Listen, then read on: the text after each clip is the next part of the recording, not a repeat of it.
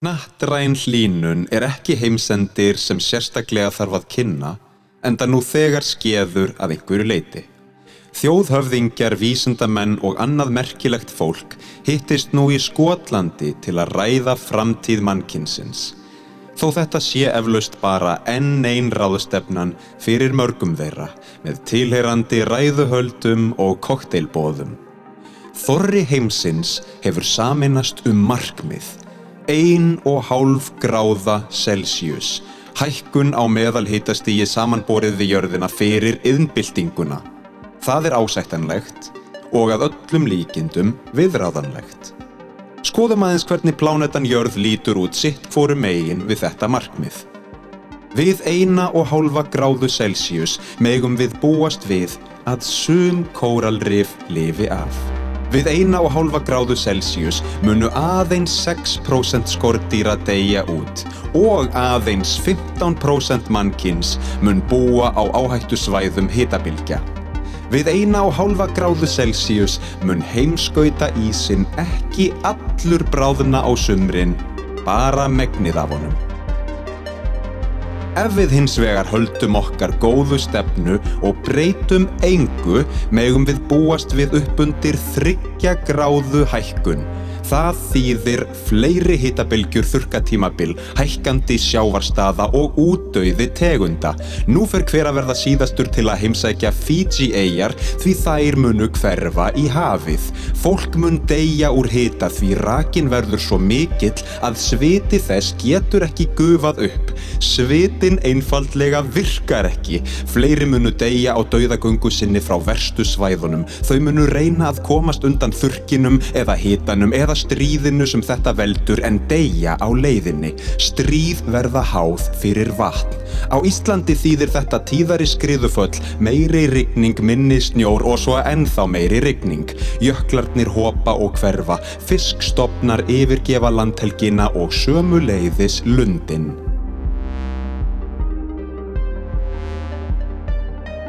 Það sem er áhugavert við markmiðið 1,5 gráða Celsius er að meðal hittasti jarðar hefur þegar hækkað um rúma gráðu og eftir um það byrj tíu ári viðbót verðum við komin alla leið upp í 1,5.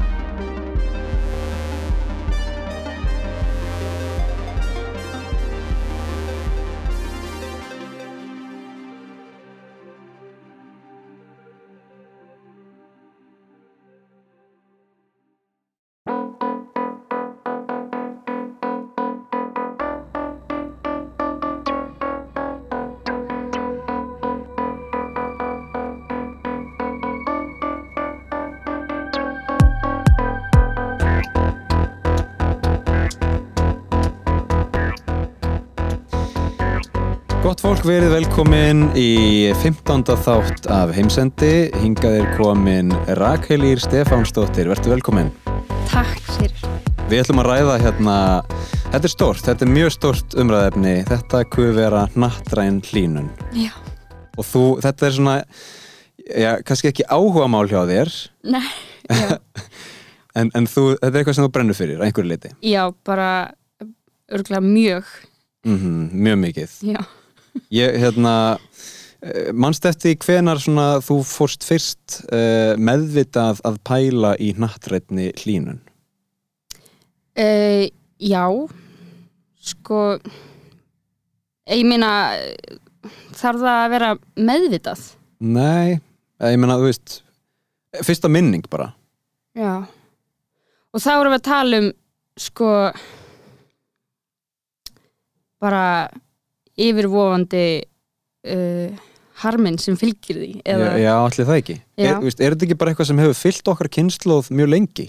Jú, jú, ég myndi segja það sko að hérna um, að, því, að því eins og bara ég get sagt hvernig ég fór að spá í náttúrunni eða umhverfismálum eða, eða svoleiðis það er bara í leikskóla Mm og hérna og ég man bara þú veist ennþá eftir spenninni þegar hérna við vorum með í leikskólanum mínum svona uh, hérna mold -hmm. og vorum að fylgjast með hvernig hlutir hérna bara mikla Já, já, og þannig. já, og þú veist, ég man bara eftir spenninni og bara og bara svona væntum þykginni all, einmitt sem að fylgdi því að hérna fylgjast með því og ég var svo tilbúin að vera þólinmóð að leifa ástíðinni eða ástíðum að líða Mhm. og sjá hvað myndi gerast uh, en einmitt eins og bara og svo bara þegar ég var krakki og barn og úlingur þá var ég rosalega mikið upp í sveit hjá ömmin og afa og hérna og ég myndi segja að þau hafa alltaf verið mjög umhverfisvæn og svona Mhm. mjög duglega að, að eh, já flokka þó, en þá vissi ég ekkit endilega við værim að flokka eða þú veist, ég, Nei, nei, nei, við vorum bara og nýta hluti, já, Mhm. algjörlega og það er bara svona og hérna já, og kannski sérstaklega eins og amma mín hérna, hún hún hérna, þú veist, geimdi allt til þess að nýta Já. og þá myndi ég segja að ég hafi áttum á því að einhvern veginn nattræn hlínun væri til. Já, já, já, og En, en fyrir það þá kannski að því þú bara elst upp með sko þessari hugsun um að nýta vantala mat og hluti já, uh, endurvinna. Aha, það hefur verið svona baselineið, það hefur verið uh, hið eðlilega. Já, já. Og svo he- hefur kannski átt að það á því að hitt sé hérna óeðlilegt, þó að það kannski hafi tíðkast mun lengur heldur en endurvinnslan. Já, mitt Þú veist Ég meina bara eins og í hérna búrskapnum hjá ömmu þegar maður er eitthvað, já, eitthvað nú er ég búin með skýrdolluna og við ætlum að geima hana því að hérna, hún verður fullkomin til þess að þú veist, hérna planta nýjum trjám og geima hérna trén í þeim. Mm -hmm. En svo þegar þær eru orðnar bara svo ótrúlega margar. Já, skýrdóllunar já, skýrdólunar eru bara að fylla búrið. Veist, þá þá er maður bara, ok, shit bara hvað af hverju þurfum við að eiga svo mikið af skýrdólum Einmitt. Það er náttúrulega væri best ef þú gætir farið í búðina, skilað einni og fengið aðra. Já, Eða fyllt hana bara. já, eða fyllt hana Við erum með svona ísvél fyrir skýr. já, það var geggjað Þá getur líka keft meira í einu.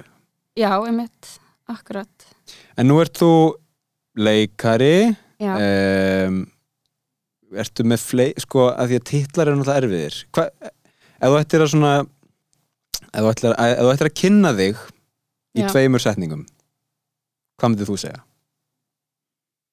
uh, listakona Mm og já, hvað á það að vera eitthvað meira Nei, ég menn, er það ekki bara, er það ekki reglifin? já, Sem, sem inni ber allt annað, eða Jú. þú veist. jú, Og svo er maður bara í flæði, af því að hérna, já, við höfum svolítið verið að ræða sko í þessum þáttum hérna gig, hag, gig sem er Já. óþjált á íslensku, á einhverjum ástæðum. einmitt ég, ég, byrju, þú varst að tala með það við Nilla nei, Jú, Nilla og hérna, fjölni held ég líka síðast. já, Um, sagt, þetta er eitthvað sem við þekkjum sem sko listafólk, uh, verkefni og, og að- fara úr einu verkefni í annað og vera kannski að jögla mörgum mismunandi verkefnum og og þau hafa, þau hafa svona mismunandi líf e, þegar kemur að tíma. Við talum sko þryggja tíma verkefni annars vegar og svo þryggja mánaða verkefni hins vegar. Já, já. Um, svo eru margra ára verkefni. Já, svo eru margra ára verkefni og minnst bara ég vera með mörg þannig bara í haustum á mér. Já. Það er, fyrir mig það eru verkefni sem ég þarf að skrifa niður og ég vil hengja upp á vegg já, svo ég geti sofið á nætturna já, einmitt, já, akkurat. Það er svona tengjum þannig. við það. En þetta er einmitt málið, þú veist, að það er ekki skil bara öðvöldur að segja listamæður eða listakona eða e, Já. af því að hérna maður er í mörgum mismunandi verkefnum og þau kalla á mismunandi titla ef að, fólk er fyrir þannig. Já, jú. Sko, ég starfa ekki við það en ég held að ég sé mjög mikil hugsuður. Já. Það er enginn að byggja mig um það Nei, en ég gera óþarflega mikið. Já, bara hæfilega öruglega sko. já, já, En, en vonandi verður það hérna auðlind í framtíðinni sko. Uh, hu hugsun ég væri alveg til að markað setja hérna mínar hugsanir að einhverju leiti, Já, að einhverju takmörkuðu leiti en við erum að tala um hnattrann hlínun já, og þetta er svona þetta er svona sá heimsendir sem er svona að einhverju leiti mest mættur uh, fyrir utan COVID sem, sem svona var, var, það, var svona uh, lítil útgáfa af einhvers konar heimsendi. Já. Hugsaðu mikið um þetta orð, heimsendir Um, sko, kannski ekki orðið sjálft, en akkurat núna þá, þá er sko tilfinningin eða, eða tilfinningarna sem fylgja heimsendi svolítið nánarmanni mm -hmm. um, sérstaklega einmitt varandi hérna nattræna hlínun Mm og að því að það er hvað maður að segja svona hvað heitir þetta, ráðstefna eða það er veist sem er að fara að gerast í hérna, Glasgow. Já. Það er náttúrulega að því líka örgulega bara fylgir aldrinum sem við erum á akkurat núna að það er eitthvað svona það þarf eitthvað að gerast. Mm -hmm. ef að við ætlum að eiga fjölskyldur eða framtíð Einmitt. Þau, Um, þau forréttindi að, að eiga fjölskyldu, einmitt, þú veist. Já, einmitt, og svo ákvörðun. Já, að ákveða að stopna fjölskyldu í þessum heimi. Um, vissulega á það eða sko ætti í fullkomnu heimi að vera bara mjög fallegt og ekki skilur háð einhverjum hérna eh, einhverjum lofórðum um bætta tölfræði kringum gróðurhúsaloftegundir já já, það er mjög þetta er mjög súræðalist mm Þetta er sem þú vísar í er, hérna, þetta var smá miskilningur hjá mér sko. ég, þetta heitir COP26 já, COP26 ég held að COP stæði fyrir Copenhagen. Já. En það gerir það ekki af því ég man sko, ég man bara eftir hérna, eh, fyrsta minningin mín um svona einhverja svona gróður eh, hérna, sérst ráðstefnu um loftslagsbreytingar og nattræna hlínun var í Kaupmannahöfn 2009 já, þannig að ég held alltaf að þetta væri eitthvað svona bundið við Copenhagen. Já, nema hvað að þetta stendur fyrir Conference of the Parties. Já, emmi, já. Þetta er eitthvað svona saminaða þetta er eitthvað svona samin, saminaða þjóða eh, saminuðu þjóða hérna, skamstöfun emmitt, og er sem sagt núna haldinn í 27. skipti já, akkurat Ertu eitthvað búin að fylgjast með þessu? uh, ég er bara búin að reyna Mm og búin að vera að skrifa undir svo mikið af svona, hérna, bara öllum öll, öllu sem er hægt að skrifa undir Já, ertu búin að vera að gera það? Já Ok, eitthvað sem þú manst svona, hvað er verið að skrifa undir? uh, ég er búin að skrifa undir hérna, það sem hérna uh, vinkunum mín Queen Greta er, er að hérna bara með þú veist í, hvað heitir þetta, svona bæjónu sínu á Instagram? Mm uh, sem að tengist þessu hérna, eitthvað sem á að geta verið svona undirskrift fyrir fólkið á þessari á þessum fundi, í þessu partí partíum. Og, uh, og svo var ég líka að skrifa undir hérna eitthvað annað. Já, einhver svona lista. vá, ég veit ekki eins og hvað heitir það. En ég veit að það er fyrir, eitthvað varandi dýr í heiminum að útrýmast ekki dýrum og hérna eitthvað, Við erum búin að leggja okkar að er nokkuð ljóst. Ég hérna er endar fór að mis, mis við það ég er ekki búin að skrifa undir neitt. Um, En hún Greta ætlar semst að mæta.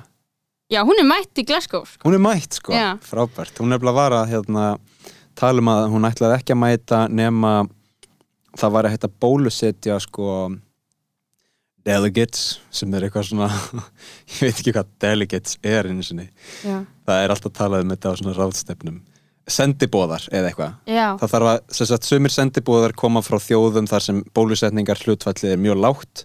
Já, og uh, uh, það er náttúrulega mismunun að fólk get ekki mætt á ráðstefnu af því að uh, þú veist, það hérna hefur ekki efni, eða þjóðin hefur ekki efni á bóluefni. Þannig að hún var sem sagt eitthvað að berjast fyrir því en, en þar sem hún er mætt þá vonandi er bara búið að bólusetja fólk og svona já, ef það, það kýs að gera það. Já, einmitt, vonandi. Sko, uh, þetta er náttúrulega stóra stóra koppið uh, var þarna 2015 það, Já. í París. Einmitt, París já, er sáttmálin akkurat. Sem, sem sko sem Trump dró bandaríkin út úr þetta er svo fyndið sko. Þetta er svo súræðlist átt sko. Já, einmitt við Það dynjandi lófatak. Já, vá, pældi í. Ah, ég veit ekki hvað ég að segja um það. Nei, en þú veist, svo eru stjórnmál bara svo hérna það er allt unnur umræð, það er bara að því að, að, því að síðan kemur Biden, skiluru og bara eitthvað snýrði við um Já. leið og hann tekur við hérna einmitt, þannig að það sem Trump sagði hafði engin áhrif af því að það var ekki búið að þess að brottförin úr sáttmálunum hafði ekki tekið gildi eða eitthvað svona. Já, já. Þetta er bara, þetta er allt bara einhver, Mm. Twitter hérna, fæslur sko. Ok. Okay. en fyrir það þá var hérna 2009 í, já og, og, og svo það sé sagt þá í, sem sagt, svo höldum okkur við París. Já, 2015 já, þá kom fram önnur skamstöfun NDC Nationally Determined Contribution.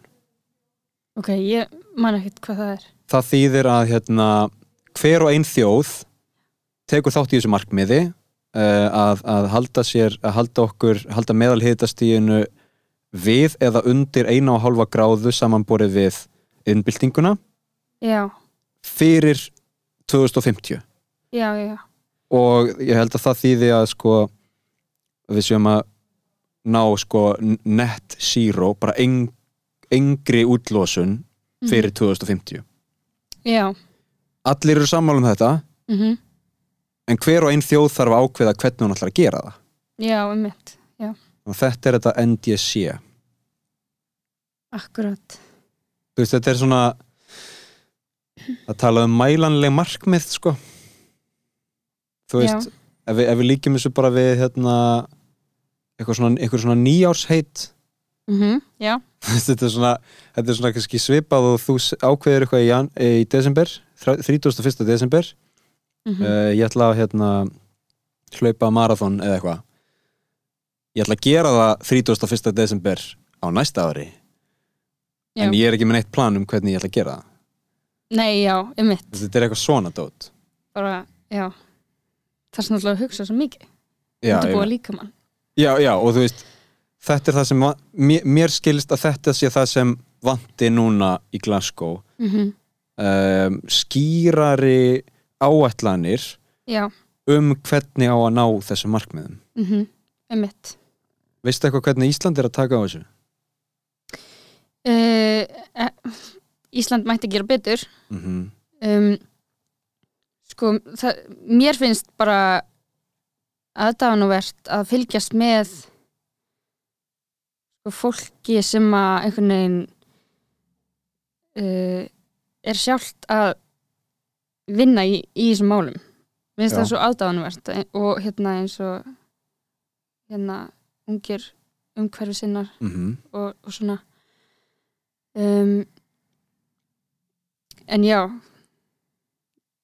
me, Veist. já, ég veit ekki já, það er oft sínt sko, það er oft sínt kakan já, svo, eitthvað svona 30% uh, sjávarútvegur.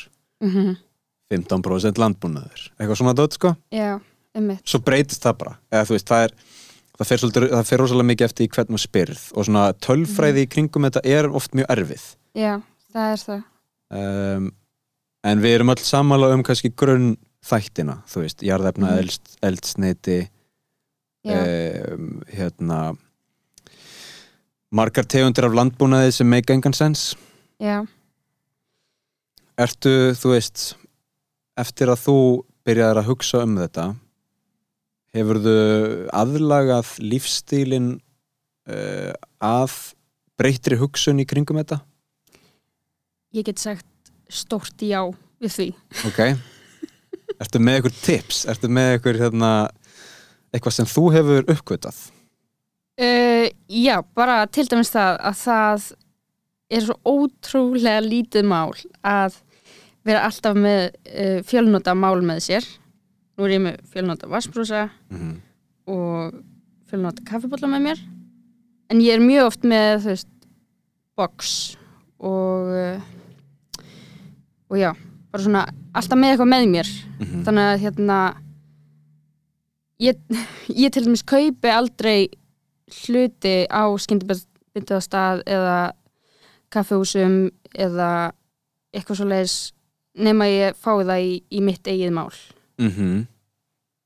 og hérna og eins og þegar COVID var í gangi og þá voru þeir byrjað að neyta mér sko um að taka við bollanum mínum sem Mm. ég skil auðvitað bara út af sóttvarnarreglum Mhm. En þá lappaði ég frekar út heldur en að fá kaffibolla Einmitt, einnóta mál einmitt. og um, og svo bara hérna er, já ég veit ekki, þú veist mér finnst betra að fara í vistveru eða þú veist, allar svona búðir sem bjóð upp á að fylla á ílát Mhm. eins og í staðin fyrir að kaup, kaupa ódýrara þá Mhm. veit ég allavega að ég er að gera vel við mig að því ég er að kaupa kannski þá aðeins vandaðari vöru sem er umhverfisvætni bæði fyrir mig og já, heiminn Mhm. um, en já, þú veist svo bara kaupi ég heldur ekki uh, fött Nei ég hef allan ekki keift síðustu fjögur ár þanga til ekki ger heldur hinn þá keifti ég eitt stykki hlaupabuxur oh. í fyrst skipti í fjögur en ég þurfti það sko. En, en það var mjög erfitt. Það var sjúklega erfitt. Hva- Já, það er mjög gott Það er mjög gott, sko. En ekki einu notuð Eða Nei. svona, nei. En þú veist, ég gæti alveg gert það. Mhm. en bara svo bara hata ég að fara í búðir sko. Já, já, ég bara, ég verð bara hvíti fram. Segjum tvö. Já, ok. En já, Já. bara já, ég er búin að vera mjög heppin að fá líka bara alls konar gefins. Mhm. þannig að, já, Sko það náttúrulega er ótrúlegt með föt. Það er voða sjálfgeft að hérna að þau einhvern veginn svona um, þau er svona uh, rottni utan að þeir skilur eða þú veist föt einhvern veginn eigðileggjast eiginlega ekki. Nei. Hvernig eiga föt að eigðileggjast svona, svona bara þannig að þú getur ekki notað þau það er voða sjálfgeft. Já, sko þú eðilegur eiginlega bara fötiðin með því að þvó þau of mikið. Já, já, já. Og já, ég nota til dæmis ekki þurrkara. Mhm, uh, þeir eru mjög óumhverfisveinir einmitt. og hérna nota mikið vatn og þannig. Og ég kaupi mér ekki kjöt. Uh, ég kaupi hrísgrjón, hnetur, trönuber alls konar þannig, Mhm, kínoa allt í fjölnótamál mhm. Hvar er það hægt? Hilsuhúsinu Heilsuhúsinu? Ok. Það er bara eins og nammibarinn nema sko góði nammibarinn. Já, góði Heilsunammibarinn. En já, þú veist, og síðan var ég alveg ekstrím í plastlösum september til dæmis Mm og hérna uh, og var að neyta mér um bara eiginlega allt sem var í plasti Mhm. Og uh, það var mjög erfitt Já, ég trúi og bara, einmitt mér langaði alveg í skýr Mm en uh, ég fekk mér abjumjölk í stæðin Já, já, já. Þetta eru rosalega margar víkstöðvar og ég held Já. að það sé svona það sé svolítið krefjandi við þetta vandamál. Í fyrsta lagi þá sko berum við öll ábyrð á því en samt sko mm, samt er oft hægt að benda fingurum á einhver svona stórfyrirtæki. Já, já, mér finnst það rosalega erfitt af því að mér finnst hérna það vera svo mikið í umræðinni og mér finnst það einmitt vera mjög auðvelt. Mm og ég skil ótrúlega vel að, að hérna flestir vilja benda á stóru fyrirtækin.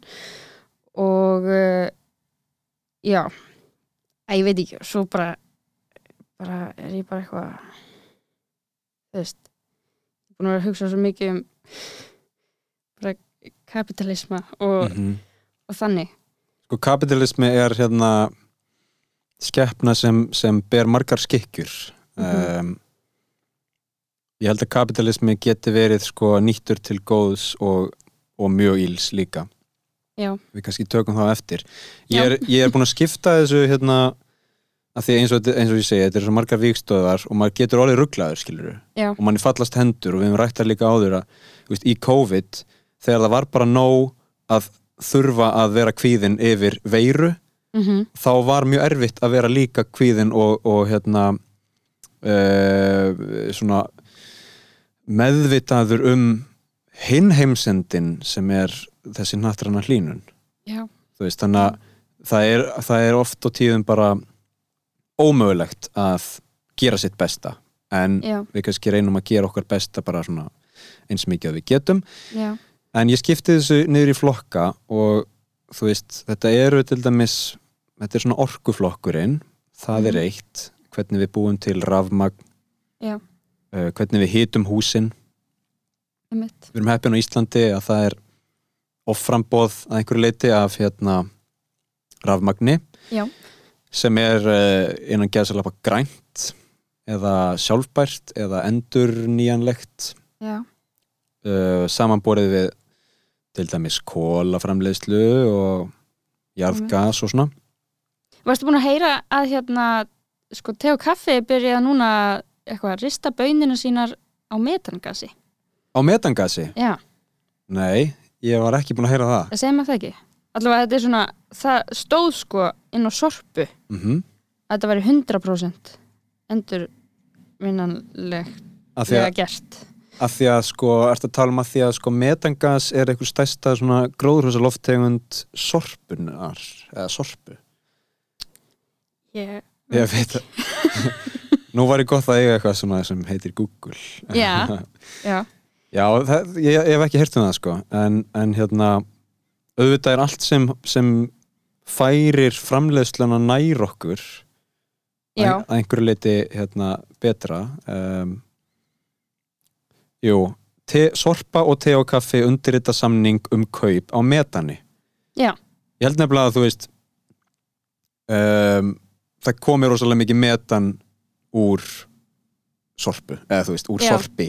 Já, já, og það er mjög um, skilvirk gróðurhúsaloftegund hún er rosalega góð í að valda usla eða þú veist. Já. hún er miklu betri heldur en kold, koldísýringur Já. þannig að það er, allt, það er held ég mjög gott að hérna, nota það metan og reyna að binda það einhvern veginn í eitthvað, einhverja framleiðslu.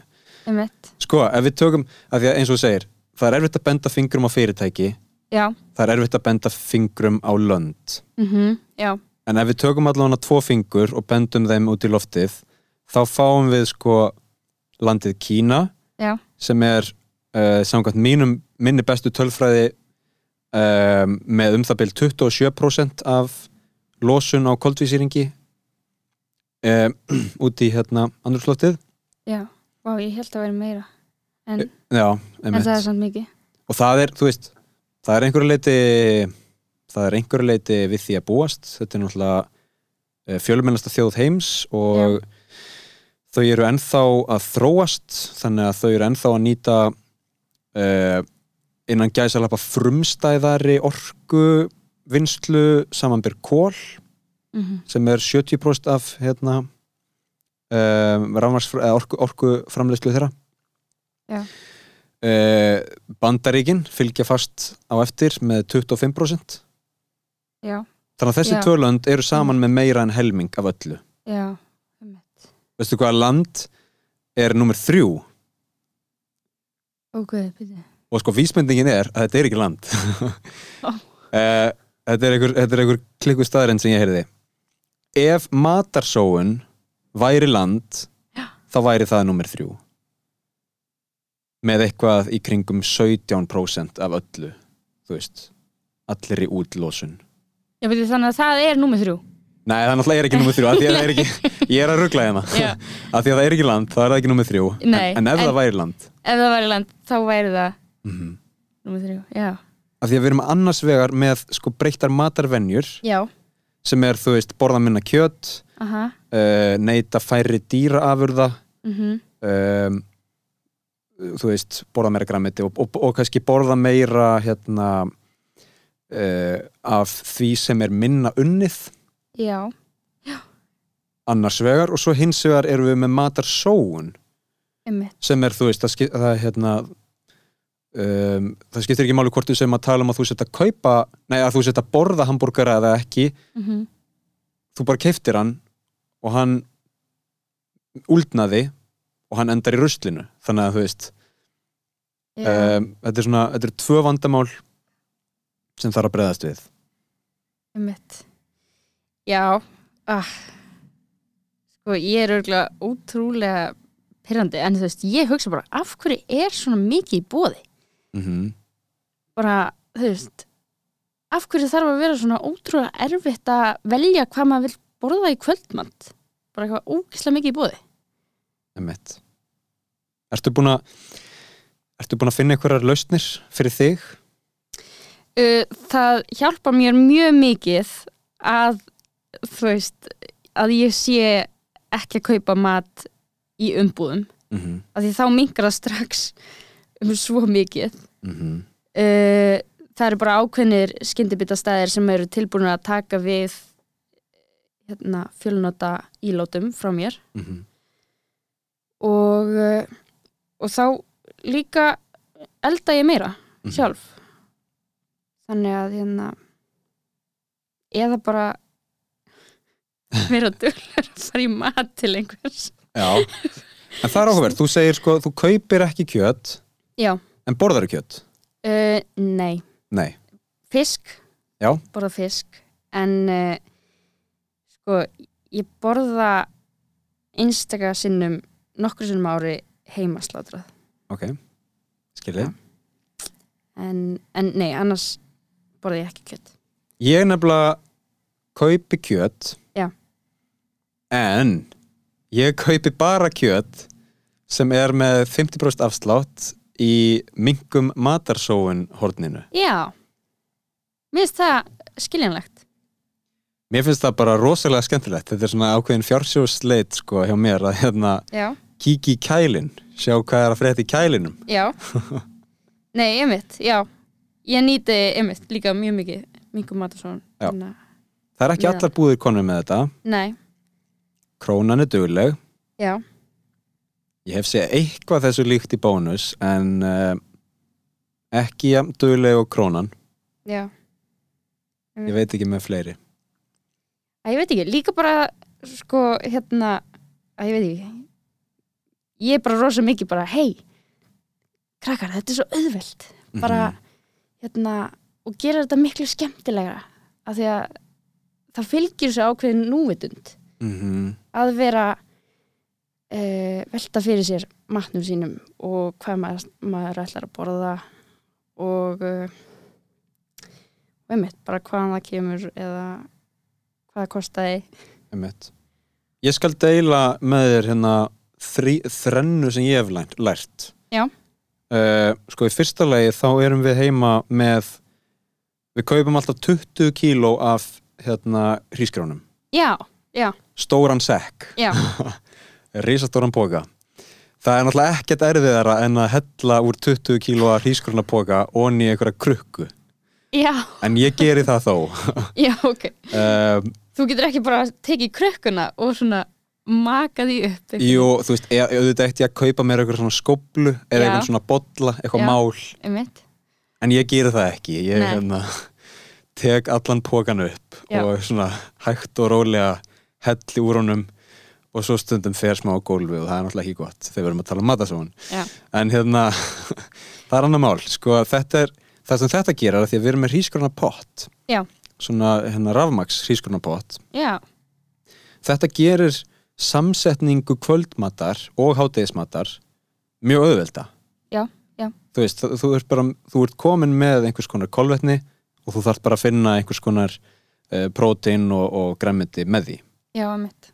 Þannig að það hérna og þetta pluss minkum matarsóun uh, er oft mjög einfalt. Já. af því að þá ertu með hérna kjöt eða fisk ef þú ert í þeim pakka. Mm á ódýru verði lágu verði þú með hrísgrunin, er með prótínið. Og svo kaupir nokkra paprikur og sveppi og eitthvað svona zucchini og, og hérna eggaldinn og svona næs með því. Og þá ertu komið með heila máltíð á þú veist 200 krónur á mannesku eða eitthvað. Þannig að hérna, ég mæli með eins og þú segir að kaupa svona stór, í, kaupa bölkið. Já, já. Kaupa mikið af einhverju svona þurrmeti. Mm þú ert að vera með kínoa, hrísgrjón. -hmm. Já, uh, og bara hvað fleira? Þú veist, ég fæ mér alveg pasta eða eitthvað, en Mhm. það er nú, ég hef ekki fengið það í, í fjölnóta mál, sko. Nei. En þú veist, bönir og linsur og eitthvað svona dót? Já, Þetta er eitt, svo er nummer tvö uh, Þetta er svona hérna life hack. Uh, Hætta að kaupa sko álegg já, Það er rosalega fljótt að hérna, skemmast. Já, já, Kjöt álegg, unnið, unnar kjötvörur mm Ostur. Þetta er dót sem fólk er mikið að henda úr ískálnum Já, einmitt. Og mjög dýrt. Já, mjög dýrt. Akkurat, ég þú veist, er ekki ekkert að finna einhverja aðra listn á einmitt, með svona álegg og, og ost mm, held ég að það kæmi svona ostmaður. Því svo í mánu eða, eða sex vikna fresti eða eitthvað svona. Og hérna og svona kannski í svona fjölbíli og það myndi allir kaupa svona, svona stóran ost. Og svo myndi allir svona skera hann í svona sína bíta Mm og setja í skapin sinn. -hmm. ég, ég menna að þú veist eða bara taka söður Evrópu og víðar á þetta og ef að fólk ætlar að vera með hérna skinku og ost þá ertu bara með hérna uh, hangandi hangandi skinku og hérna og, og harðan ost eða eitthvað, parmesan og hérna og svona, hvað er ekki, þurrskinka. Jú, einmitt þetta er, þetta er hluti sem geimast mjög lengi. Um, en þú veist fyrir mína parta þá er bara einfaldast að hætta þessu, eða þú veist ég sakna ekkert sko skingunar þannig séð. Um, Já, það er hérna, öll, svona álegg allt unnið álegg er mjög erfitt. Já, svo var ég nú með eitthvað þriðja ég man ekki hvað það var. Um, en það er hérna þetta er sko með þessu tvennu og einhverju einu viðbót sem kemur kannski eftir þá hef ég náð að bara minka matarsóun uh, eiginlega niður ég ekki neitt sko. Já. niður í það lítið að ég tek eftir því og man eftir því ef ég þarf að henda einhverju. Já, já, einmitt. Þú veist það er þá þryggja mánada gamalt pesto sem kláraðist ekki eða eitthvað svona. Já, já, akkurat. Ég tengi við það. Mm ég, sósur og, og sultur og krukkur eru erfiðar líka sko. Já, um, og, og, og líka eitt sko. Nú er ég ekki mikið í hérna einhverjum svona majónes sósum en sko hver kannast ekki við að kaupa hambúrgara út í búð og vera eitthvað ah, glemda aðtuga hvort ég á sósu?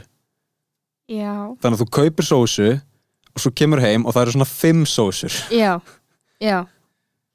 Einmitt, eitthvað svona rugl sko. Já, fólk er í þessum bransa já, nei, það er mjög algengt. Já, já, já. ah, Sko, já, akkurat. En hérna um, svo er ég með hérna líka undir orku og jarðefna eldsneiti það er steinsteipa framleiðsla á steinsteipu er að valda 8% gróðurhúsalofteganda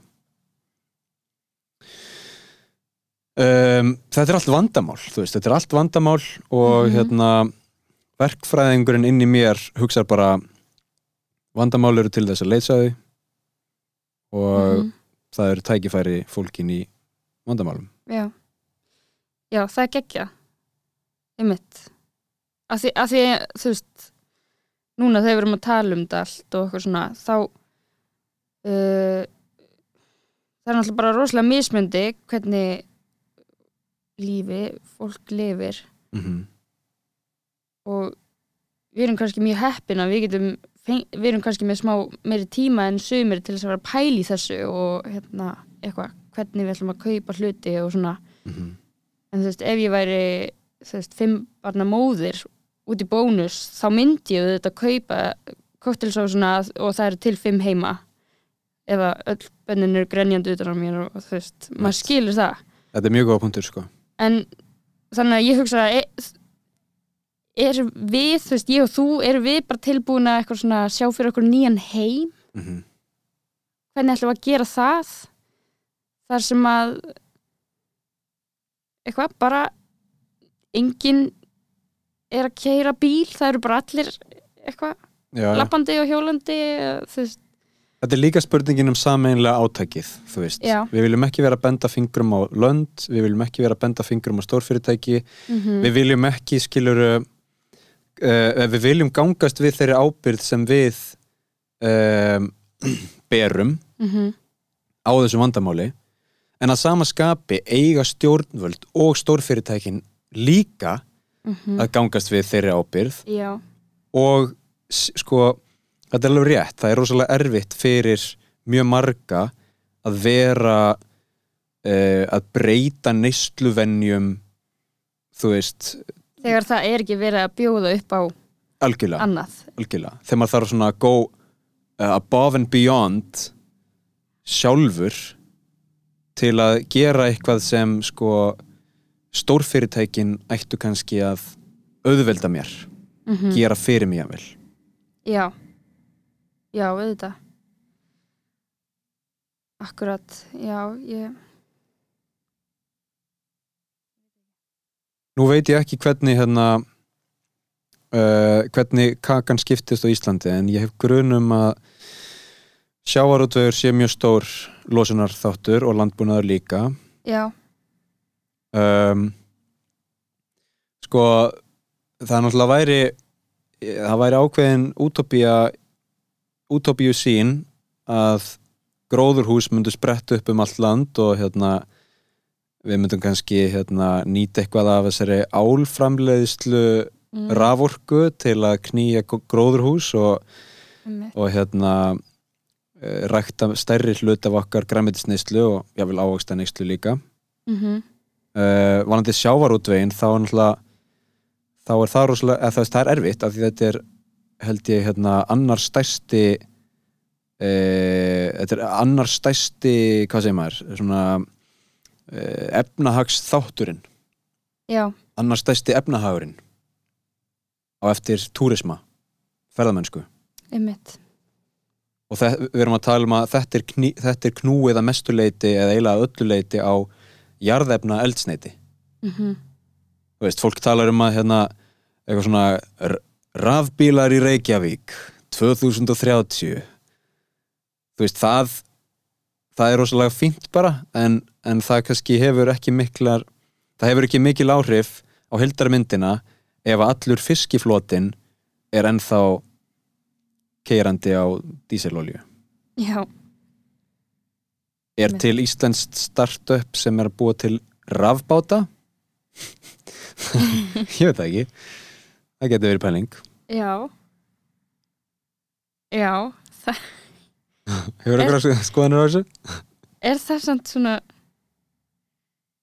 þú veist, þegar, þegar maður setur það í setningu þá sé ég bara fyrir mér eitthvað svona svona eins og að taka fartölu með sér bað eitthvað já, að því ég hugsa bara svona ráftæki eitthvað svona já, já, út á sjó eitthvað svona já, já, já, ég held sko mm, ég held að þetta sé já, eða bara hérna raf, sko bátur með rafknúna vél.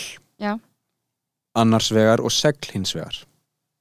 Já, um, vindorka og hérna raforka bundin Já. í raflöður einmitt. af hverju ekki, skilur og, og kannski hendar þetta ekki, kannski hendar þetta ekki öllum skipum nei, en byrjum á 10%, byrjum á 15% já, já. Þetta held ég þessi pæling á Íslandi. Um, síðan getum við sko síðan getum við tekið fyrir kapitalisman sko. Já, ok. Um,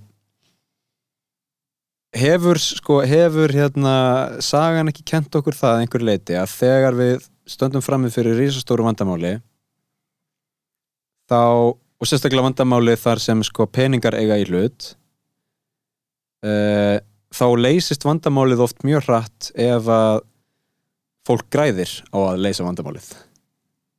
Já, einmitt. Saman ber stríð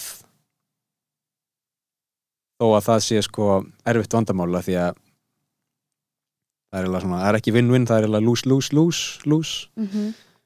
um, það sem ég á við er hvernig getum við búið til um, sko metnað hjá ríkistjórnum, fyrirtækjum og fólki til að minka losun gróðurhúsalofteganda með kapitalisman að vopni Ú, það er Já. byrjað að gera þetta sko já er það? Já, af einhver leiti. Til dæmis bara það að hérna um, það er til startup eða fyrirtæki á Íslandi sem, sem hérna býður fyrirtækjum að kólefnisjafna fótspori sitt með því að kaupa eða leigja tré eða eitthvað svona dótt. Já, já, já, einmitt Eitthvað svona Allt dúttir í þetta, sko. já. Og ég minna, já, auðvitað Þú veist, Ólís er að gera þetta Það er alltaf að bjóða Mhm. mér að eitthvað, taka bensín og þeir ætla að gróðsetta tré já. Svona og svo eitthvað svona flugfélög Já. eru held ég byrjað að gera þetta líka. einmitt og svo getur líka eitthvað bara tjekka hvað þú ert eitthvað gera mikið og, og, og getur keift tré upp á móti því Einmitt. sem er ókslega súrt Algjörlega. Og, hvaðan kaupar þessu tré? Hver er að selja þessi tré? Já, hver, ég veit ekki og hvar eru þau? eru þau lítil? Eru þau í skýr íláti, skiljur Já, Eða eru þau stór? já, Hver er að sjá um þetta? einmitt Þetta er svona dæmi Hvaða trukkur er að keira þessi tré Já, langlega skiljur, allt þetta Þetta er svona dæmi um og ég er ekkert ég er ekkert að tala um kapitalisman ég er bara að tala um svona einhvers konar hérna, að einhvers konar frjálsmarkaður eða svona markaðsöfl eh, svona geti að einhverju leiti komið til góðs um, stundum. Mm Já, jú, auðvitað. Og en sko, hérna ég verið að hugsa mm að hérna ef að ef að sko fyrirbærið auglýsingar væri ekki til -hmm. eða við myndum útrýma öllu sem er auglýsing uh, hvort að já hérna nattræn hlínun myndi já, batna Ok um, hvernig, hvernig hérna, hvaðan kemur þessi pæling? uh, af því að ég, ég forðast auglýsingar eins og heitan eldin sko. Ok. ég bara uh, bara, þú veist, í hérna, þú veist, í síman mínum og, og svona, ég er bara svona hérna passa að opna aldrei og bara svona sjá ekki auglýsingar. Mm, og þú veist, og ef, ef það er valkostur að, að þú veist, vera með eitthvað appi eitthvað til þess að losna með þér þá líður mér bara betur þú veist, og hérna fæ þannig mm til þess að reyna já eh, reynsa síman minn eða Ok. tölvu frá auglýsingum.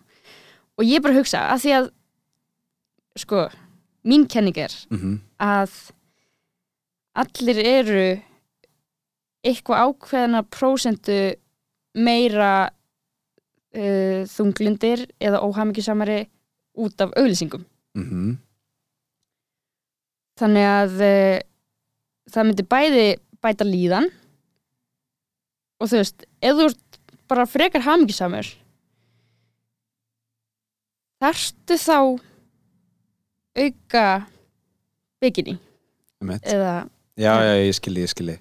Einmitt, einmitt. Og sérstaklega núna á tímum sko reiknirita og, og, og svona einhvers konar gerfigreindar mm, þar sem, það er verið að læra um þig. Þú getur ekki googlað neitt án þess að einhver ósýnilegur náungi sitji hinum megin við þú veist, einhverja tölvu. Uh, þegar ég tala um náunga þá er ég að tala um bara hérna ekki mennskan náunga. Nei, og sé eitthvað að læra um þig. Já, já, já, Rakel er að hugsa um hérna heilsuhúsið, best að búa til hérna auðlýsingum heilsuhúsið og setja hana Já, á, veist, þessa fréttasíðu eða whatever, einmitt. Ég skil þig. Sko, það er til, ég, hérna af því að ég hef talað með og gegn gerfugrind ég hef talað með og gegn upplýsingasöfnun stórfyrirtækja til að sérsnýða efni fyrir þig. Já, að einhverju leiti getur þetta verið nýtt til góðs. Ég þarf ekki 99,9% af því sem er verið að auðlýsa í heiminum mhm, en ég þarf 0,1% af því. Já, já. Og með þessu er hægt að beina þessu 0,1% að mér. En þetta 0,1% mm eða var það 0,01% það er örgla nær því. Já, hérna þú veist, ef að þið vantar það mm þú veist, sem er bara geggjað hérna, uh, er þá ekki líklegt að þú ert í kringum einhvern ákveðin hóp sem mun gefa þér þú veist, bara orð frá munni bara -hmm. ábendingu á þennan hlut? Jú, jú, og bara ég sjálfur líka, skilur ef, ef, ef, ef mér vantar eitthvað þá er líklegt að það sé komið inn í rútinuna mína Já, og þá minn ég mig sjálfur á það bara. Já, um, það er alveg rétt. Og þú veist, auðvitað eru fyrirtæki ekki að já, ég sé að Rakel vantar bara kínoa He- eitthvað skilur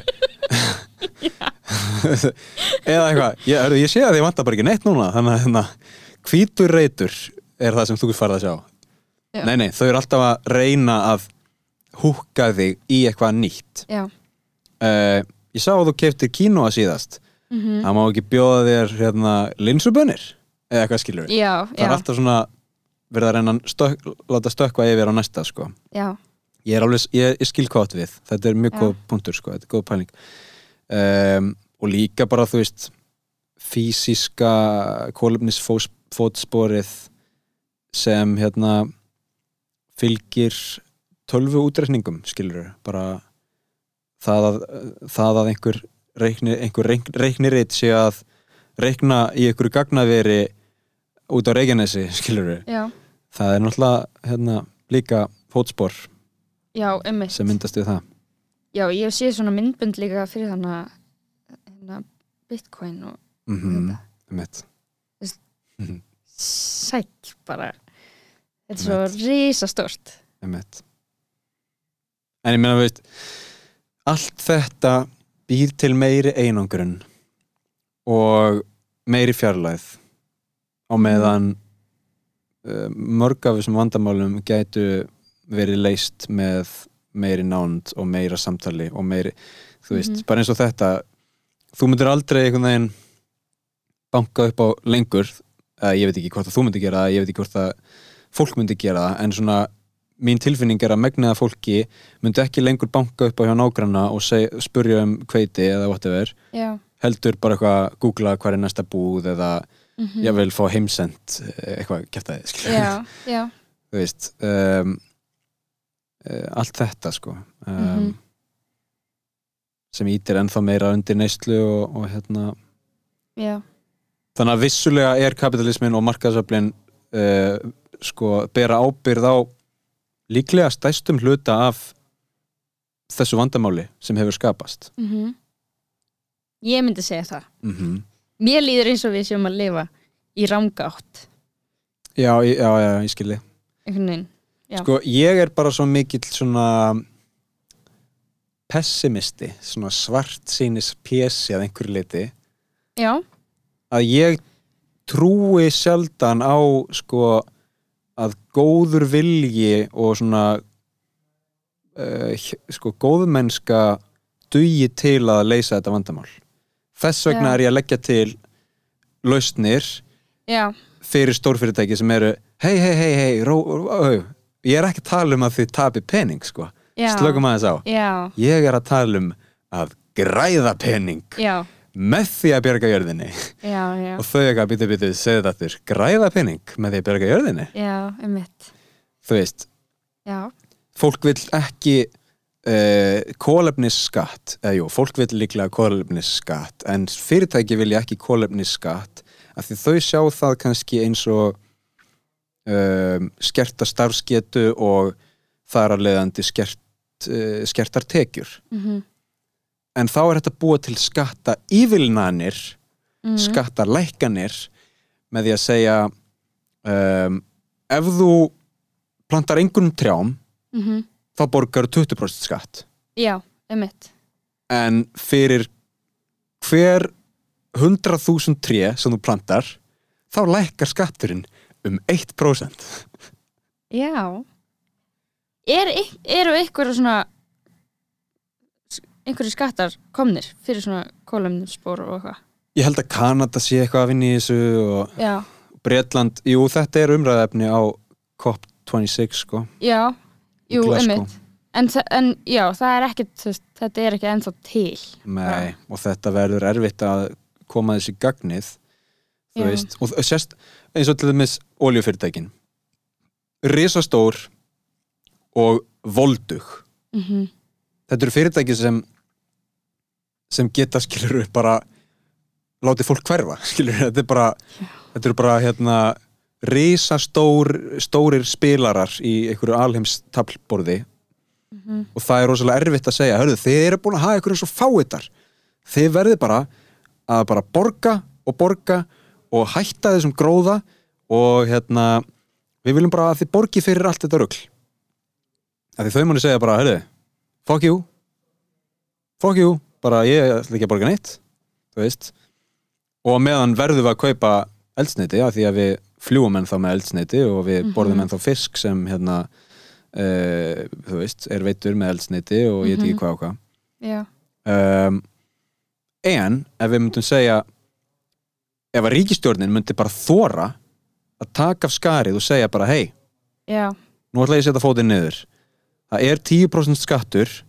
Við ætlum að byrja rólega 1% á ári næstu 10 árin. Eftir Mhm. 10 ár verður komin 10% skattur. Nema þið plantið 100.000 trjám á hverju einustu ári mhm, og sýnið fram á að það sé að gera gagn þá getið þið lækkað hennar skatt sjálf. Þetta byr til umhverfið þar sem um, fyrirtækin hafa sko fjárhagslegt uh, hérna gagn af því mhm. að planta trjám. Það Eitthvað svona. lí- Já, einmitt.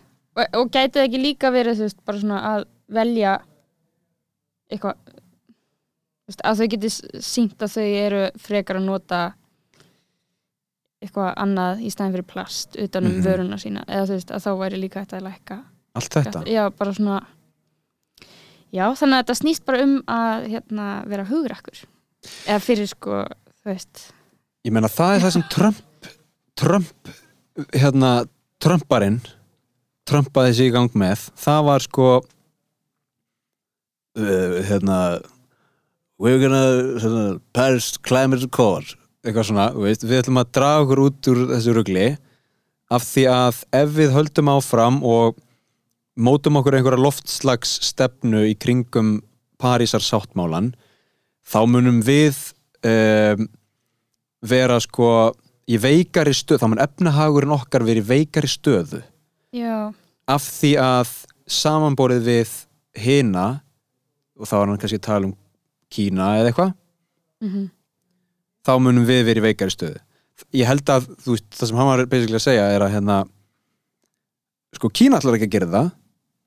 Þannig að ef ég gerir þetta þá hérna mun kínvæst hafa kerfið stækka en ekki mitt mhm, og þá mun þau vinna Já, í staðin fyrir að segja bara, hörru, ég ætla bara að taka á, áhættu hérna ef, að- ef að einhver önnur þjóð vill ekki gera þetta þá bara gott og vel og þá bara hérna njóti vel að hagkerfið stækki í smá stund ég ætla bara að taka á þetta, ég ætla bara að sína frumkvæði og ég ætla bara að segja hérna eh, 2050 0 framleiðsla á gróðrúsaloftegundum bara búm. Og við okkar hérna hagkerfið mun kannski minka í 20 ár en eftir það þá verðum við hérna stærri en nokkru sinni fyrr eða eitthvað svona. Mhm, en, en ég held að það þóri mjög fáir að gera eitthvað svona. Næ Já. Já, það bara skortir hugrekki mm í þessum málum. Og þess vegna virðist þetta vandamál alltaf seittla niður trektina og lenda á haustnum á okkur. Já, neytundunum og einstaklingunum. Einmitt já, ég meina það hjálpar ótrúlega mikið að séð að hann að sorpa og te og kaffi er komin í samstarf. Mm því þá hugsa ég bara, já, ok, á ég kannski bara að vesla við te og kaffi? Einmitt. og já, já, og, og þetta er sko dæmi um uh, einhver leiti kapitalisman líka. Já, einmitt, sem þú, veist, að tala um já, já, já. að hérna búa til veist, já. Einmitt. uh, snúa kapitalismanum við, eða þú veist, á mótið mm algjörlega. Já, bara ég ætla bara að fljúa með þessu flugfélagi af því að þessi flugfélag, þetta flugfélag er að planta trjám. Ég veit Mhm. það því ég séð það. Þau bjóð upp á vettvangsferð hérna út í skóg eitthvað, Æsland Já. er skógurinn á helliseiði eða eitthvað whatever. já, eitthvað einmitt. svona rugl. Ég menna, okkur ekki? Okkur ekki? Um, hérna ef við tökum hérna ef við tökum sko samgöngur við erum búin að taka hérna flugið aðeins og, og hérna Já. sjáarútveg en sko hjól í Reykjavík það er svona eitthvað sem ég hef mikið áhuga á verandi hjólandi. Já, mér finnst það geggja mér finnst það ótrúlega flott. Það er bara indislegt að hjóla. Um, það er hérna það er ekki fullkomið kerfi í, á Íslandi um, nú var ég mjög lengi sko leiðsögumæður já, og það er ótrúlega hættulegt þegar hérna fólk er að hjóla á þjóðveginum.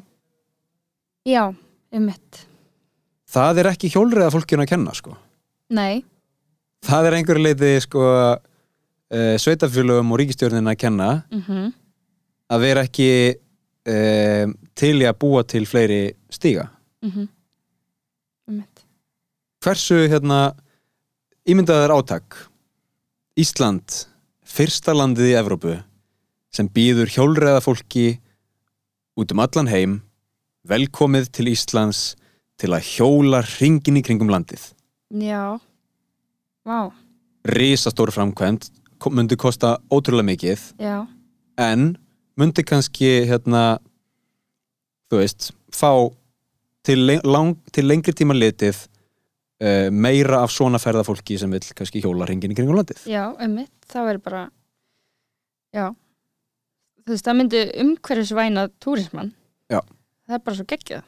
Mm græn Um. túrismi um, en að búa til uh, uh, reyðhjóla stígana í kringum landi er það er það að vera fara að vera rosalega óumhverfisvænt ég veit ekki sko. Ég meina, eitthvað meira heldur en bara allar vegagerðinar og hérna, já, já, ég veit það ekki. Þú veist, þetta er, þetta er eins og maður segir, þetta er svo, þetta er svo hérna, margar vikstöðar og þetta er svo erfitt vandamál uh, mm, en, en það þýðir náttúrulega ekki að maður hérna, manni fallist bara hendur og maður ger ekki neitt.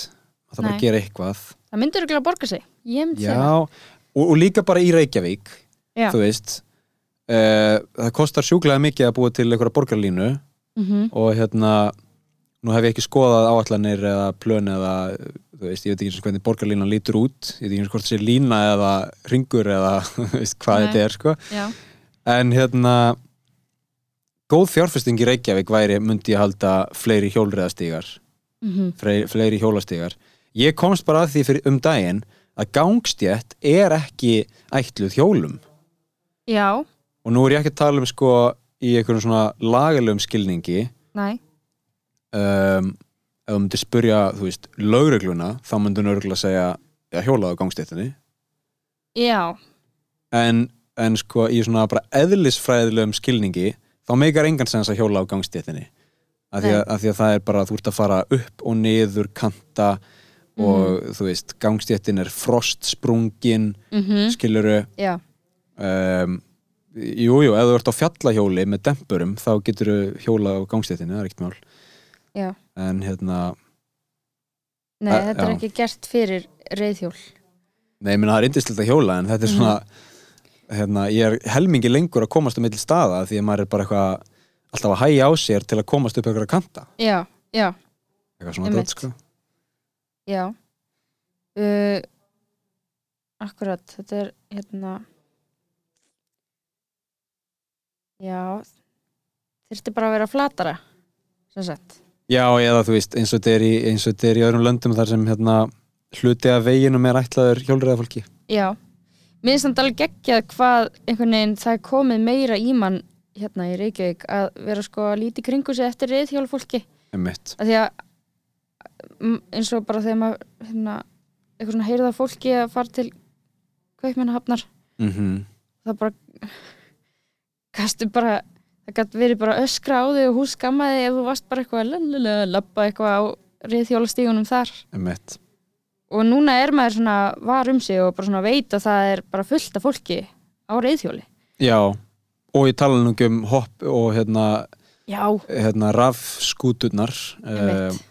rafhlaupahjólin en mér finnst einmitt, einmitt verst að vera á þeim á gangstéttum að því að þau náttúrulega þú veist eru ekki eins og hjól með Mhm. deppara eða eitthvað. Eða svona þannig gerð. Þannig að það er bara minnst ómögulegt að vera einmitt taka þau á gangstéttunum líka. Það er líka bara hættulegt. Já, Þú veist, gangstjætt er fyrir gangandi vegfærendur já, ef að hjól svona rafhlaupahjól eða hvernig hjól sem er og svo er komin einhver svona rafmakshjól með einhverjum risastórum dekkjum. Já, ef þú færð þetta í, í þú veist, fangið á fullri ferð það er bara mjög hættulegt. Já, þannig að mér finnst bara mjög hérna uh, eðlilegt skref að fara búa til einhverja alvöru áallinu kringum þetta. Já, og framkvæmdir, þú veist að hérna, það, er end, það er erfitt að endurskipulegja borg. Mm það hefði náttúrulega verið mjög skemmtilegt ef einhver einhverjir hérna meistarar árið 1850 eða eitthvað hefðu bara eða fyrirskiluru hefðu bara hérna séð það fyrir eftir 200 ára að hjól væru vinsæl skiluru já, já, bara byggt Reykjavík upp sem er einhverja hjólaborg, hjólaborg. já Nei, það verður náttúrulega frábært. Já. Líka bara, er maður ekki almennt hamingi samari af að hafa hjólað í vinna? Bara alltaf hafingisamiri, þú veist það er ekkert leðilegur en að vera í umferð Já, umferðatæpu, það er ekkert vera En já, nei, ég hef bara sko, núna lappa ég í vinnuna. Ég er mjög heppin að geta lappað og það er bara mín hugleðsla á hverjum degi. Mm og hérna en ég hef ekkert ég hef aldrei held ég verið eitthvað svona verið með, verið með reyðhjól til umræða í Reykjavík sko. Nei, nei, nei, ég bara verið með, veist, ég var bara alltaf sem krakki og úlingur á Selfossi með reyðhjól emitt þá pældi ég ekki rosalega mikið í því sko, þessar hindranir sem þú veist að tala um, þú veist, bara illa gerðir vegkantar eða veist, stórir eða sprungur og eitthvað svona, þá einhvern veginn var maður meira bara svona krakki á hjóli. Mm eitthvað svona. Og það er líka flatara á, á Suðlandi þannig að hérna, það er örugglega hjálpaði mikið. En það var samt geggjað af því að það var enda líka bara minna. En hérna maður var aldrei seinn þó að maður lag, lagði seint af stað. Emitt þá bara svona var maður að hjóla bara rætt á hjólinu og eitthvað svona. En, en það var líka bara svo geggjað að geta hjólað hvert sem er. Já. Bara- Nei, líka bara, þú veist Ég skil sko pælinguna að, hérna, að á Íslandi sé sé enga bifriðin sko úlpan þín. Já, þú veist það er oft erfitt veður. Mhm. En það er alveg hægt sko í mörgum tilfellum og fyrir marga, ekki alla en fyrir marga er alveg hægt að hjóla og hérna klæði sér bara vel. Mhm. Og eins og þú segir, vera þá bara til dælulega fljótur á milli staða. Já, og það er líka bara næs að því að að einhver leiti getur maður þá hugsað já já, ég þarf ekki að fara í ræktin í dag ég er búin að hjóla, já, veist. Búin að fá reyfingu já, eða labba eins og þú segir Já, ef að það hérna, er í bóði veist loft já já, það er miklu betra. Ég hlakka til að sjá hjólastígana í Reykjavík og víðar árið 2030 Já, þeir eru verða guðdumlegir hvernig hjóli ertu á? ég er á gömlu svona, nei nákvæmlega, þetta er málið sko. ég er á gömlu hjóli, það er svona Já. 8 ára. Já, um, kapitalismin inn, inn í mér segir mér að fara að kaupa nýtt hjól bráðlega, mhm. Eitthvað flott. Já. en en hérna nýttni gæinn sem verkfræðingurinn inn í mér segir hérna hjóli kemur ennþá frá A til B og það er bara ekkert sínilega að því. Mhm, þannig að Já. það er engin ástæða fyrir mig að fara að skipta í bráð. Já, því var reyndar stólið af mér hérna Ó. þegar ég var að taka upp þátt nummer fjögur af þessu podcasti, af þessu hlaðvarpi. Þá var hjólinu stólið hérna fyrir utan stúdíóið. Nú nema hvað, lauruglan í Reykjavík og hérna hjólakvíslarinn fundu hjólið. Þannig að hjóla ég, kvíslarinn það er hjólakvíslari. Já, ok, hann er ótrúlegur. Uh, fegst að hitta hann? Nei, ég fekk bara ábendingu bara eðna message, bara er þetta ekki hjólið þitt? Uh, jú, þetta er hjólið mitt. Hvar fannst þetta? Það? Er bara hjá lauruglunni Já, Já, já, frábært, takk fyrir það. Uh, og svo fór ég bara svo til hjólið og Já. það var hérna þá búið að stela hérna var búið að stela hérna drullubrettinu aftan að því. Jæja. Ok, það þannig ég kefti nýtt, ég var að Já. kaupa nýtt. Ok, ok. Jæja, Herri, ég er með hérna eina svona loka pælingu, sko við erum búin að tala eins um hérna þetta stóra vandamál mm sem er nattræn hlínun Erum við búin að tala nóg um það? Já, sko. Uh, Nei, maður er aldrei búin að tala nóg um það því að það er það, veist, það er, það er svo rosalega mikið. Við erum til dæmis ekki búin að tala um áhrifin sem uh, markmið sem við náum ekki munu hafa. Býtu, segðu þetta aftur. Já, þetta er líka, líka illa orðið setning. Þess að hvað ef við breytum ekki núna hvað gerist þá?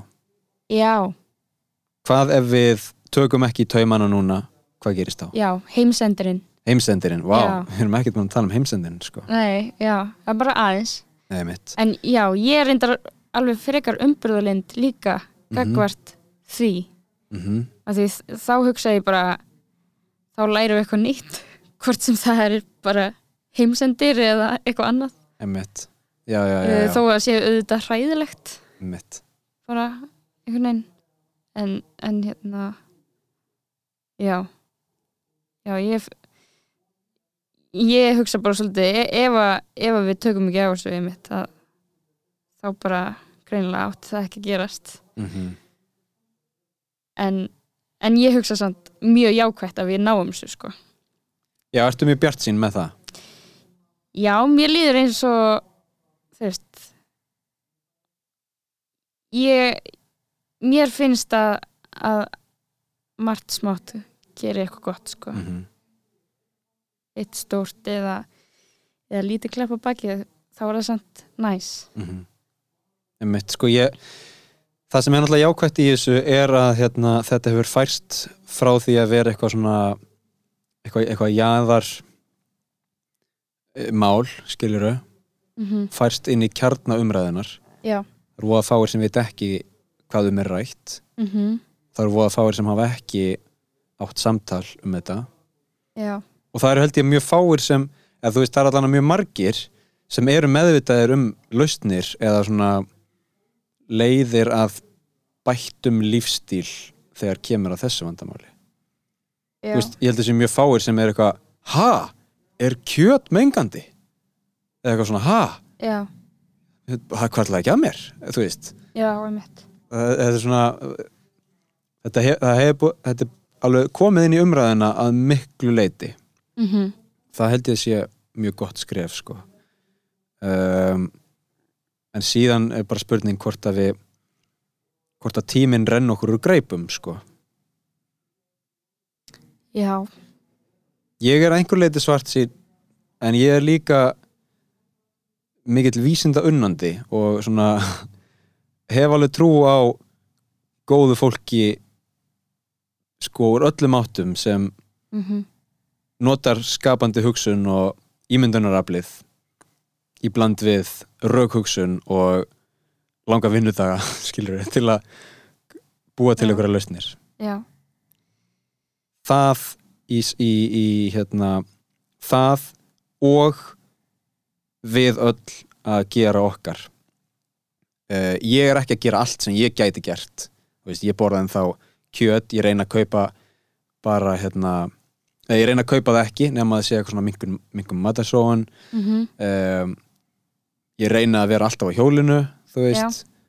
Uh, kaupa minna fötum, ferðast minna eða þá að vera lengur úti ef þú ætlar að ferðast á annar borð, þú veist ekki þessi hérna eða reyna að takmarka búðarferðina til köpen sem var vinsæl fyrir skiluru sjö árum. Já, um, en það er líka erfitt að gera allt. Já, það er líka erfitt já, þetta er ekki hérna, spurning um að gera allt eða ekkert heldur bara sitt besta. Gera sitt besta sko já, er hérna getur þú ímyndað þér að leikhúsið geti átt eitthvað þátt í þessari baráttu?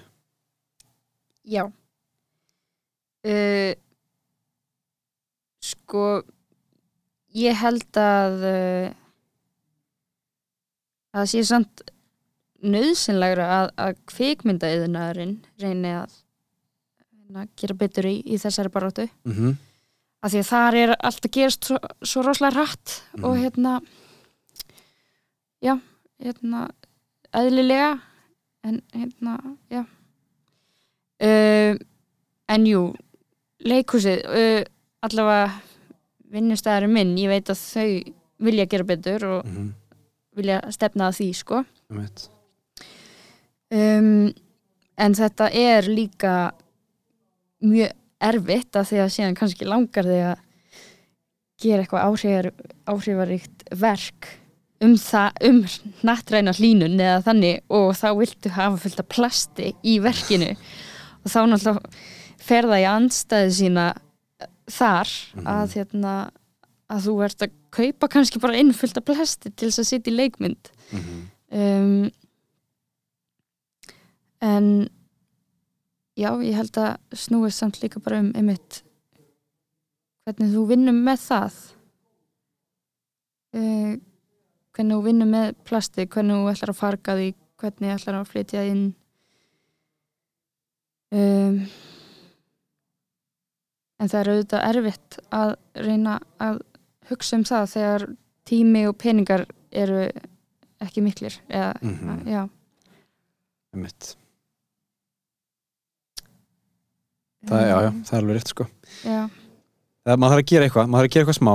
Maður þarf að Já. hérna og kannski bara eins mikið og maður getur. Sumir geta meir en aðeirir og, Já.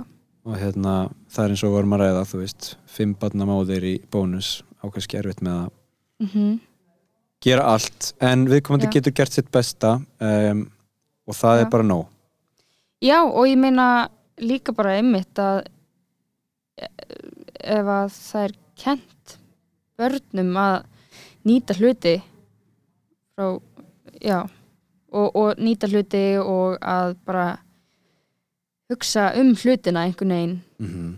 þá mun það líka á einhvern hátt breyta heiminum og já, ég held að það sé mjög verðugt verkefni. Já, sérstaklega þegar við erum að tala um sko uh, sko eitt, það er tvent sko. Nú er ég ekki mikill fótboltamaður. Já, ég skildi aldrei þegar sko það kom út nýr FIFA leikur á hverju ári. Já, og það var alltaf gerð krafa hjá okkur um vinum mínum um að kaupa nýja leikinn. Skilur Já. hvað ég já. FIFA 11 og svo kemur FIFA 12 mhm, og fyrir mig sem er bara óbreyttur leikmaður eða ekki einu sinni það bara óviðkomandi þá er engin munur á þessu tvennu. Já, en samt um, samt vill maður eða samt vilja einhverjir fá það nýjasta. Mhm, hitt dæmið er þú veist iPhone-in skilur já. Um, hver er munurinn á iPhone 13 og iPhone 14 ég veit það ekki sko. Ekki, og, af, og þú veist hvað ætlar að gera við iPhone 13 sem þeir eru búin að fá iPhone 14 í jólagjöf skilur já, bara hérna já. Já. Þannig að ég held að þetta, sé, ég held að þetta væri gaman að kenna bönnum sko uh, verðugt verkefni. Já, en, en svo eru börn yfirleitt með þetta líka í sér mm uh, bara barnslega hugsun og nálgun á hlutina er bara það besta -hmm. sem ég veit og, og maður getur lært af þeim líka að uh, einhvern veginn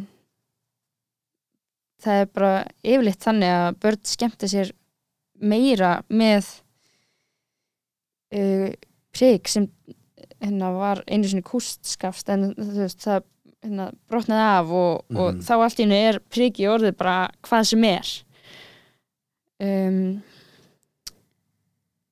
já ég held að það er mjög erfitt að breyta iPhone í hvað sem er nema þegar þau eru bara komin já, já. inn í hann eða þú veist, þú ert farin að horfa á hvað sem er á netinu Ég var að ræða þetta við konunum minn í gær sko að hérna við vorum að spila tölvuleik Já. og hún var að segja Vá, getur ímyndað þér ef að hérna, þessi tölvuleikur hefði verið til við, þegar við vorum ung Já. og ég hugsaði ég held samt sko að þeir tölvuleikir eða bara þau spil eða bara þeir leikir sem voru til þegar við vorum ung Já. höfðu eflaust mjög svipaða svipuð áhrif á okkur upplifunin var örgulega alveg eins Já, já. ég upplifði ekki skort þegar ég var að leika mér nei, sem bad nei. Ég var ekki eitthvað, oh, wow, hvað þetta er einfaldur leikur.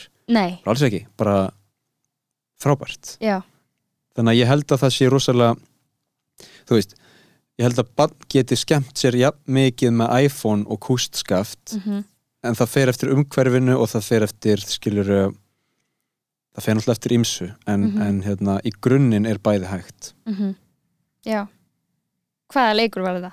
Má ég spyrja? Fortnite Já, já Ég hef ekki spilað hann en þá Nei, ég, ég spila mjög lítið að töluleikjum en hérna um, já, þetta er eitthvað sem við gerum saman við Já. konan af einhverjum ástæðum Já. Æ, ég meina, það er bara, það er bara fínt, það er eins og það er uh, Að lokum, hvernig væri fullkomið 2022? Fyrir heiminn Já, bara eða þig, eða bæði. Já, einmitt. Já, sko. Erki óvinnur minn. Pældu, pældu í því ef að það væru yngar auglýsingar 2022 Einmitt. Þetta er, þetta er áskorinn Ég held að sé ekki fara að gerast en uh, til dæmis bara ef að hérna mynd, það væri búið að losa við öll sko ég hef mikla andstegð af hérna öllu sem svona stóru lett auglýsingaskildum. Einmitt. Ég, já, Þú getur Ég- stopnað startup já, sem endurvinnur stór auglýsingaskilti já. í hérna, endurnýtanleg kaffimál. Já.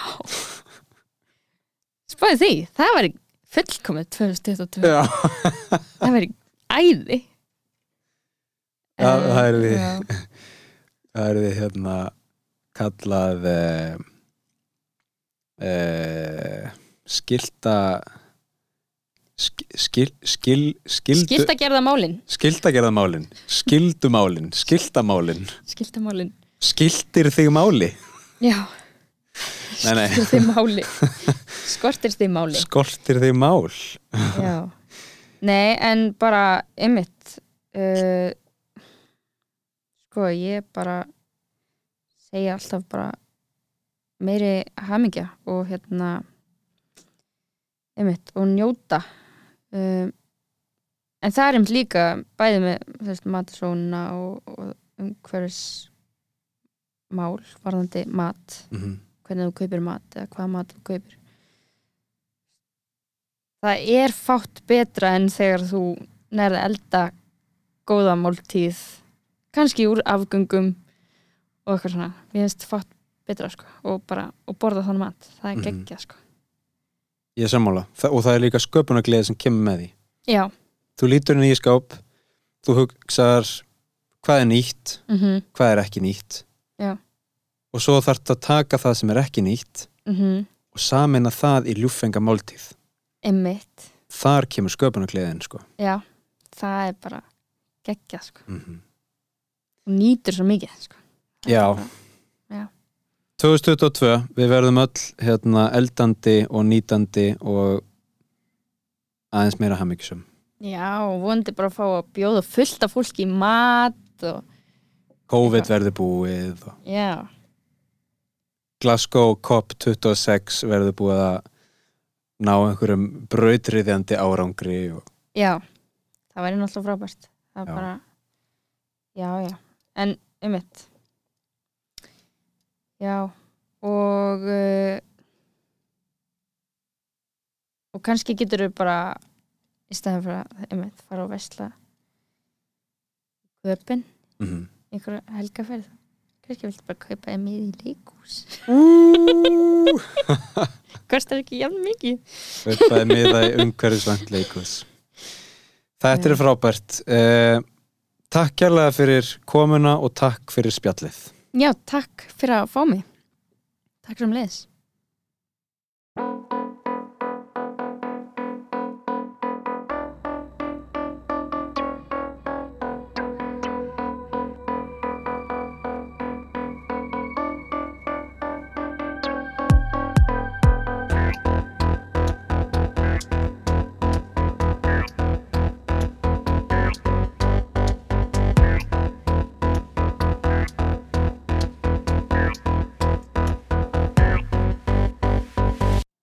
Kæri hlustandi, takk fyrir að hlusta Nú erum við að ræða heimsendi og mig langar að heyra í ykkur Hvaða umræðu efni myndu þið vilja heyra næst?